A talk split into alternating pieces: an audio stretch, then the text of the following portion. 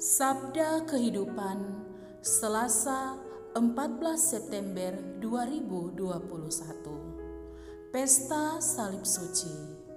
Yohanes pasal 3 ayat 13 sampai dengan 17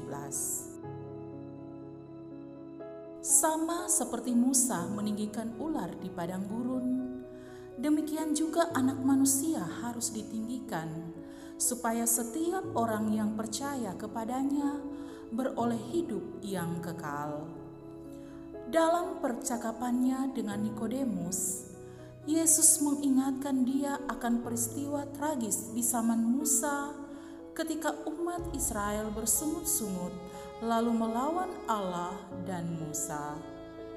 Banyak dari mereka yang mati terpagut ular berpisah.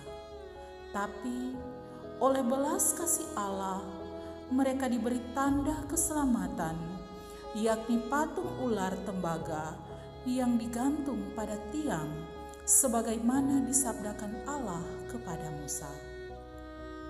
Buatlah ular tedung dan taruhlah itu pada sebuah tiang. Maka setiap orang yang terpagut, jika ia melihatnya, akan tetap hidup.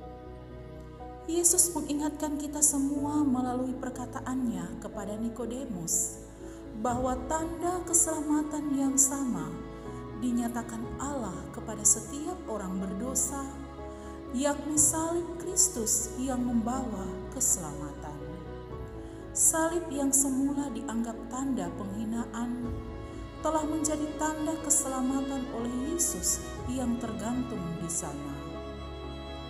Jangan hanya menjadikan salib sekedar perhiasan dan simbol gereja, tapi pandanglah Yesus yang tersalib di sana sebagai Dia yang tak henti menemani kita, apalagi di saat kita jatuh dan terhina oleh dosa.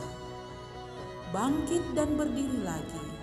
Lanjutkan perjalanan dengan semangat cinta dan pertobatan tak henti.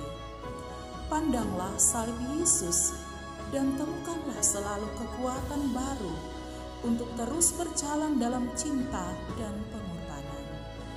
Jangan putus asa oleh penolakan, tetaplah kuat memikul beban berat, dan katakanlah dengan penuh iman, bersamamu ya Yesus, aku kuat.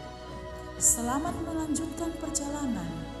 Yesus Tuhan dan sahabat kita selalu menemani. Pastor Revi Tanot PR